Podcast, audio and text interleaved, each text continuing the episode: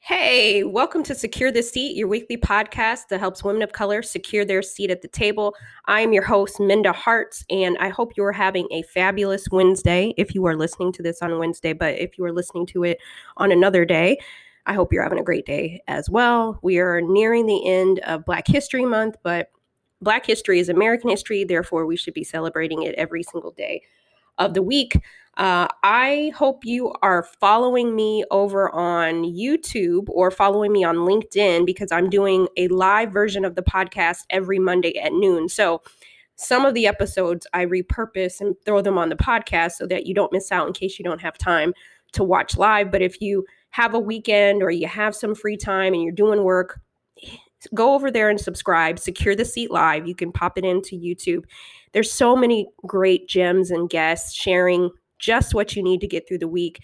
And I want you to feel like you are working in places where you're celebrated and not tolerated. And I want you to have that mission fuel that you need uh, to get through the week and beyond. So make sure that you don't miss one of those episodes. Even if you don't get to watch it, but you get to hear it, definitely chime into that because there's some really great guests um, that I've been interviewing. But today I'm excited to share with you an episode I did this week with Aprecia Faulkner. She is the founder and CEO of Global Strategists Association.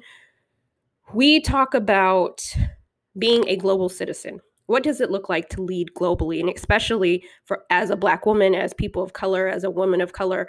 I think we don't talk about that enough. So pull up. I hope you enjoy. Also, if you're not subscribed to my newsletter, go to mindaharts.com and please consider leaving a review at Apple, Spotify, uh, Anchor, wherever you listen uh, to let others know, signal that you rock with Secure the Seat. And I appreciate you. Let's get into today's episode. Aprecia to the stage. Hey, girl. Hey, how are Hi, you? Good. How are you? Happy to be here. Today, we're going to talk about leading in a global context, what that means. You are the CEO of Global Strategists Association. For those who don't know about your company and about what you've been doing, tell us a little more about you. Sure. So, um, as you mentioned, uh, I run Global Strategists Association uh, now for seven years, uh, founded in 2013 in uh, my hometown of Chicago, which is where I am now. And what we do is try to increase the number of um, people in global engagement, so the African diaspora, bring them into the fold in all things global affairs uh, and the many sectors that encompasses that. So foreign policy, international development, make sure that space uh, has a place for African Americans, for the African diaspora as a whole.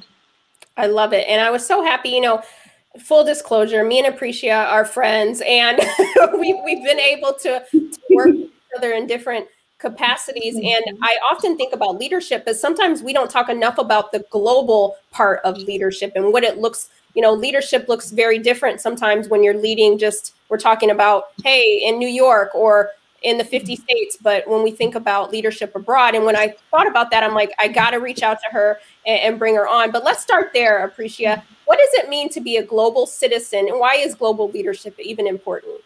Right. So, um, being a global citizen just means this idea that you are embracing other communities and cultures and what they bring to the table, that you see a benefit in connecting with people around the globe. Uh, you have an understanding that different communities and cultures bring in different things to make this world work and advance uh, its mission. And so, global leadership connected to that is also leveraging your skill set, leveraging your talent to help this world move better for all of us that are here, and especially for marginalized groups and communities of color who have not benefited, you know, in in, in the ways that other communities have, uh, in the context of academia and you know every other sector. And so, leveraging those cultures, communities, and leading with that uh, cultural competency is a big thing. Absolutely. Listen, if you have any questions. Um, for Aprecia, start dropping those in the chat and we'll make sure that we get that. Um, try to get to as many questions as we can. I know I see uh, folks are watching us on all the platforms, so welcome to Secure the Seat Live. we hope that you, by the end of our, our time, you consider yourself a global citizen or yeah. you'll start to, to think yeah. through what that looks like. Um, and if you if you're not able to stay with us the entire time, we're going to drop in um, Aprecia's information at GSA so that you can stay connected and follow her. So let's talk a little bit more about um, your company. You all are committed to um, changing the face of global affairs through diversity, equity, and inclusion. How are you doing that? Um, and what does that mean to even create solutions that would tackle that? right. it's, a big, it's, a big, task. Um, I think for us, what we have been trying to do uh, is invest in our talent here and to expose our community to opportunities in a global context. Unfortunately, because of the racism that permeates not just in America but around the globe, our our leaders, Black leaders um, across the board, have not in, been introduced to these opportunities.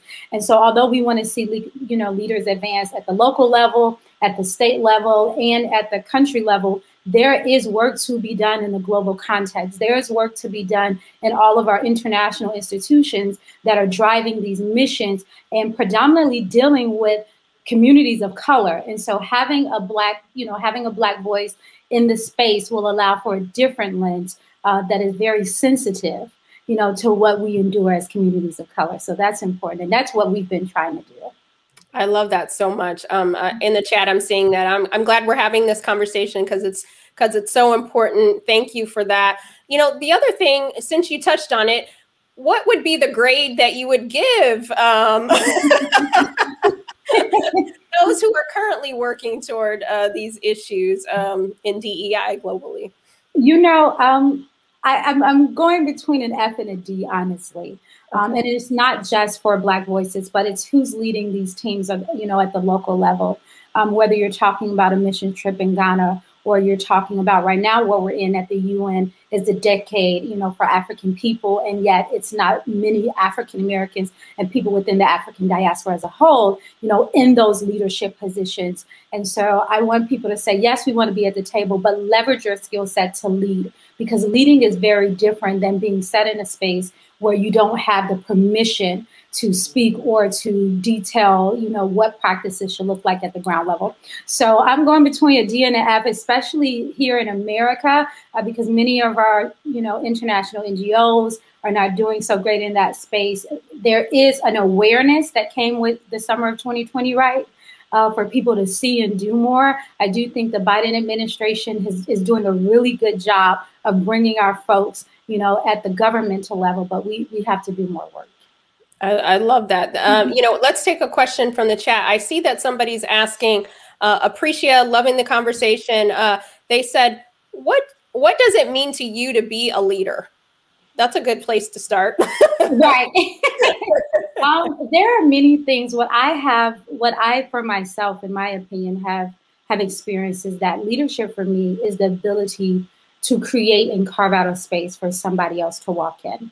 And so even before I started my own company, I used to be having backroom meetings with all the black members like this is what you do. This is what it says in the policy. Don't say this. Ask for this.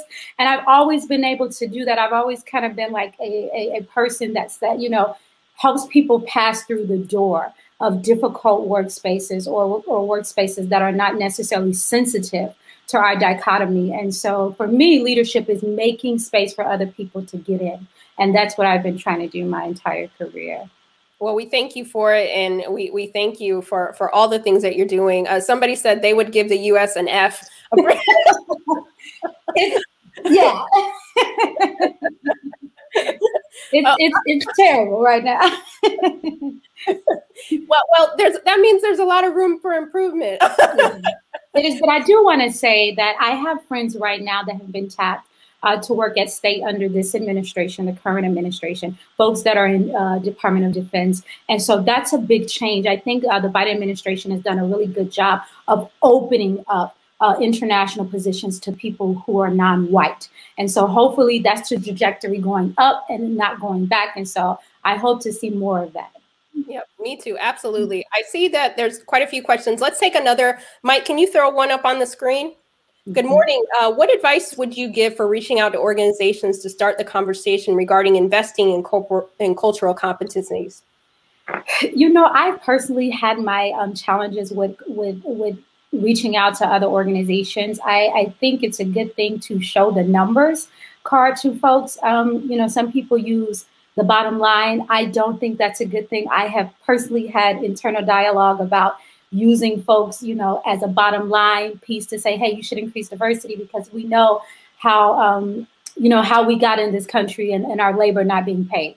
And so uh, for me, it's been, hey, this is the area that you're working in. This is the de- demographic of that community. How would you like to leverage, you know, your resources to bring in that community and get the buy-in from that community? And so that's kind of what I've been trying to do. Like in Chicago, we have a lot of institutions that have, you know, uh, centered themselves in very predominantly white spaces. And what we're saying is you've got to come out of those white spaces and to see the talent and see um, the communities you know, that are beyond that, what we call the downtown corridor, right? The mag, mag mile space. And so uh, we've been trying to do that. I think that's one of the ways all the talent that comes out of our community. I mean, it cannot be overstated. It's amazing. And these folks do amazing work. And we just got to keep putting that out there.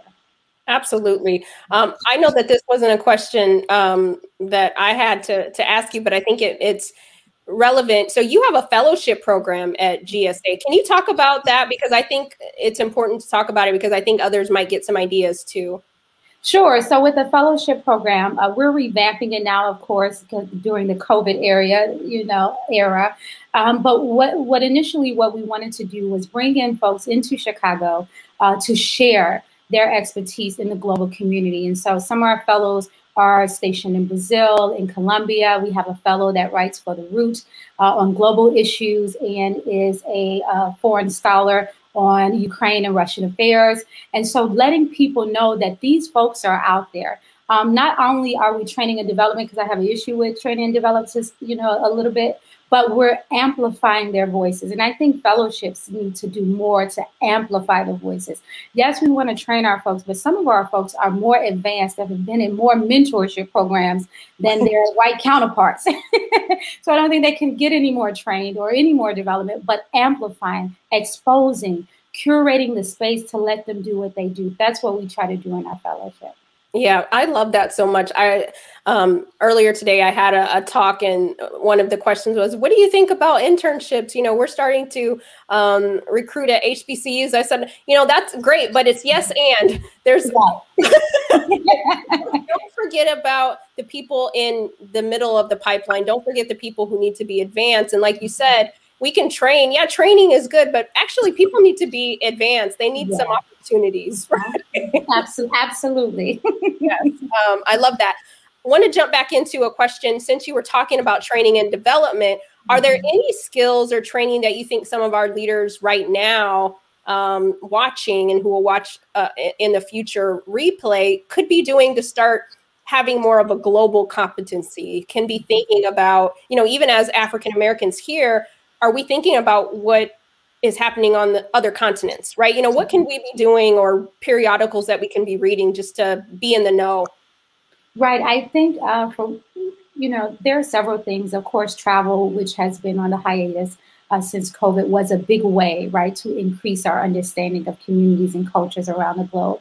Uh, the other way is just connecting with people. You know, we're in the social media age and era, and so it's so easy to be globally, you know, uh, aware very quickly by following somebody in a different culture, a different country online, whether that's through Twitter or on LinkedIn, connecting intentionally, connecting with folks from different communities, you know, connecting with folks from India, connecting with folks from Nigeria or Ghana, I think for us, you know, especially Americans, we, we're trying to get out of that American exceptionalism, like we know everything and we can tell folks. But there's a lot to be learned from communities across the globe.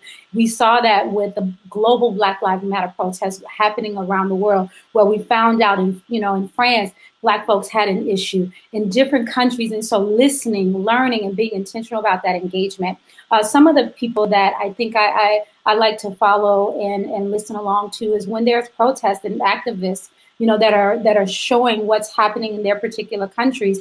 Follow them on Twitter, follow them on LinkedIn, see what what they're saying, and you know, it's it's beyond a book because I think you get the first hand account, right? Mm-hmm. You don't get the government or the institutions telling you who is important. It's everyday people sharing their personal stories. And we as Americans know how important it is to have our own voice. And so I think we need to be a little bit more intentional about engaging folks at the local level in these particular cultures and communities.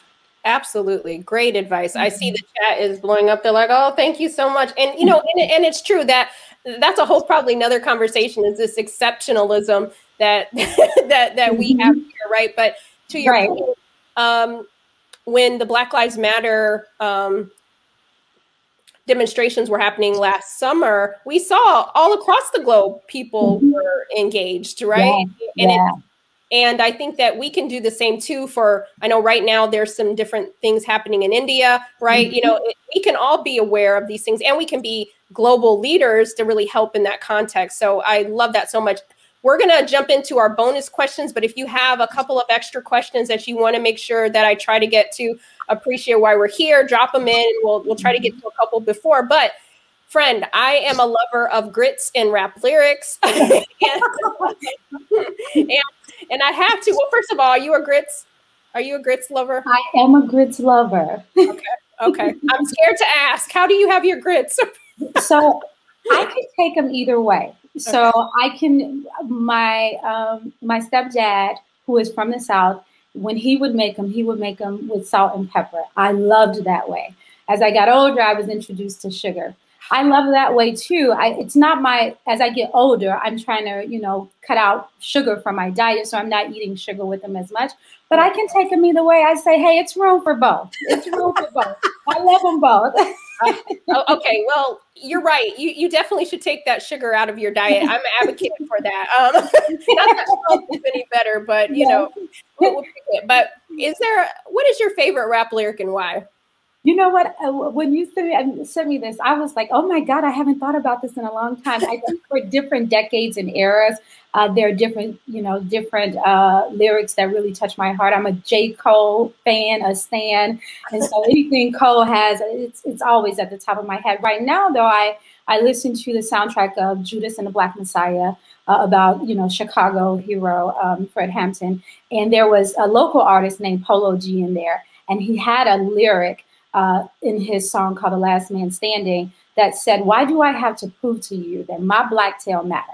Like, why does my work have to center around me proving my humanity to you? And I thought about that. I said, so much of who we are and what we do is wrapped up in just proving, you know, that I'm an actual human being and that my thoughts and my ideas and my journey and my experiences matter. And uh, that's that's my favorite rap lyric this week. and it's very apropos for Black History uh, yeah. and every day. But uh, I love that so much. If you haven't had a chance to watch um, the Fred Hampton uh, document, or it's not a documentary, mm-hmm. a, a, movie, I, I, believe it's on HBO uh, mm-hmm. Max, and great, great. If you're not familiar with the Black Panthers, um, just yeah need some context into how far we've come and, and how far we still need to go. But I love that lyric so much, so much. Uh, and, and people are, are loving it too. Uh, in the chat, um, my last question for you, Aprecia, is all of our, I believe that you don't have to have a title to be a leader. Um, we can all have the capacity to do that right now at any moment. We can activate that. But what advice would you give everyone watching today and listening in the future about how they can make the workplace better than they found it? Uh, I think for me, and I I had it to embrace this at a very young age. I am a person who uh, loves to stand up for people, and it doesn't matter what space I'm in. I mean, I could. I, I remember driving down the street and pulling over one time because I saw somebody hitting somebody, and I had to jump out. And my sister was like, "Don't do that!" I was like, "No, we're gonna stop." Um, but don't be afraid to be a disruptor. Don't be afraid to come in and, and, and challenge the status quo. And I think the only way so many of us tap into our courage is by watching the manifestation of other people be disruptive to the status quo. And so I know it can be challenging because you don't want to be labeled. And, you know, of course, that very negative connotation with Black women uh, and women of color as a whole is you're angry, you're bitter, all of that. But I, I say there is a way to be a disruptor and get the buy-in from folks who wish they had stood up for other folks, right? And yep. so I've always embraced that. It is my job to somehow leave a little bit of courage in this space that I'm in. And the only way I can do that outside of trying to lecture folks is by showing them what courage looks like. So disruption all the way through. I'm here for it. You, got me wanting to put up the, the black fist. Um, yes. yes. Um, and you know, those who don't know, the definition of courage is the ability to do something that frightens one. It yeah. takes something to be courageous, right? Uh, but lean into it. You'll feel so much better. Uh, at least people will know where your line in the sand is for yourself, for others. But we have to be role models, right? And I and I think too that's that's one thing that glo- that global leadership takes, and this idea of global citizenship is that many communities of color have operated in a space of courage because that's the way that they've been able to survive. And you know, in a in a in a, in a, in a global world where people are very hostile to their very being. And so to be able to leverage that and see that, and I want for our people to say that I can go beyond this company that is limiting me, or I don't have to subject myself to these rest- restrictions. Do what you can on the local level, but also aspire to the global work because there's work to be done, and our voices and our experiences matter in that work. Absolutely. Amen and amen. I see like the, the hand clap emoji just, just going off. Um, we have time, I think, for uh, one more question. I love that so much. Um, Mike, can you throw up a question on on the board? I think that, I mean, there were quite a few in there. And then also we'll make sure that we uh, drop Aprecia's information in there so that you can stay connected, um, book her to speak. We have the US can have a tendency to impose solutions on other parts of the world. What is the best way to co create solutions from the very beginning? Very great question, Dia. Thank you. I saw this question earlier, and what I think is kind of what we're going through here is that with diversity, equity, and inclusion, which I, you know, this is this a, uh, I guess a story for a different day. But I'm breaking up with diversity in some degree, and it's been hard. Uh, is that folks who are on the ground, who are living this experience, need to lead. They don't need to be co creators of what impacts them directly. And I think the US, uh, hopefully, with this new leadership coming in, understand that you need to take a background to what folks want to do directly, what they want to do. What do the local leaders say? What do the local communities say? What are their solutions? Not let us bring you our solutions and we think you need to buy in or we don't want to be at the table. No, let folks lead. Let Black women lead. Let Indian women lead. Let folks who have never had a voice for centuries stand up and take the lead. We're done with sitting at the tables listening to folks tell us what we think we should do. No, take a seat in the background and for once support those who have never had an opportunity to lead. It's time for folks to lead globally. Hey, hey, where's my where's my hey. it's the truth. You know, um, last uh, this past Saturday, I uh, was teaching uh, a course and at, at, NYU on talent development, and I invited um, Chief uh, Diversity Officer, Global Diversity Officer David Casey at CVS Health, and he was talking to our class about, you know, we also had to think about vaccine distribution for different for in the United States, but then also globally because CVS is global, right? Mm-hmm. So you mm-hmm. have to think about it different, and even from like you said, community based why is it that black people don't like to get vaccinated? Because they've had this very negative experience with vaccines in the united states. Mm-hmm. and so he had to leverage the local activists to yeah. encourage their communities to take the vaccine. So you, you hit it on the head Aprecia no no it's it's true. Everything you're saying is true and he was absolutely right. It's kind of something you know that's happening here in chicago. Everybody know this is one of the most segregated cities and we're still dealing with that even though we have black leadership everywhere we're still dealing with the effects of uh, segregation here.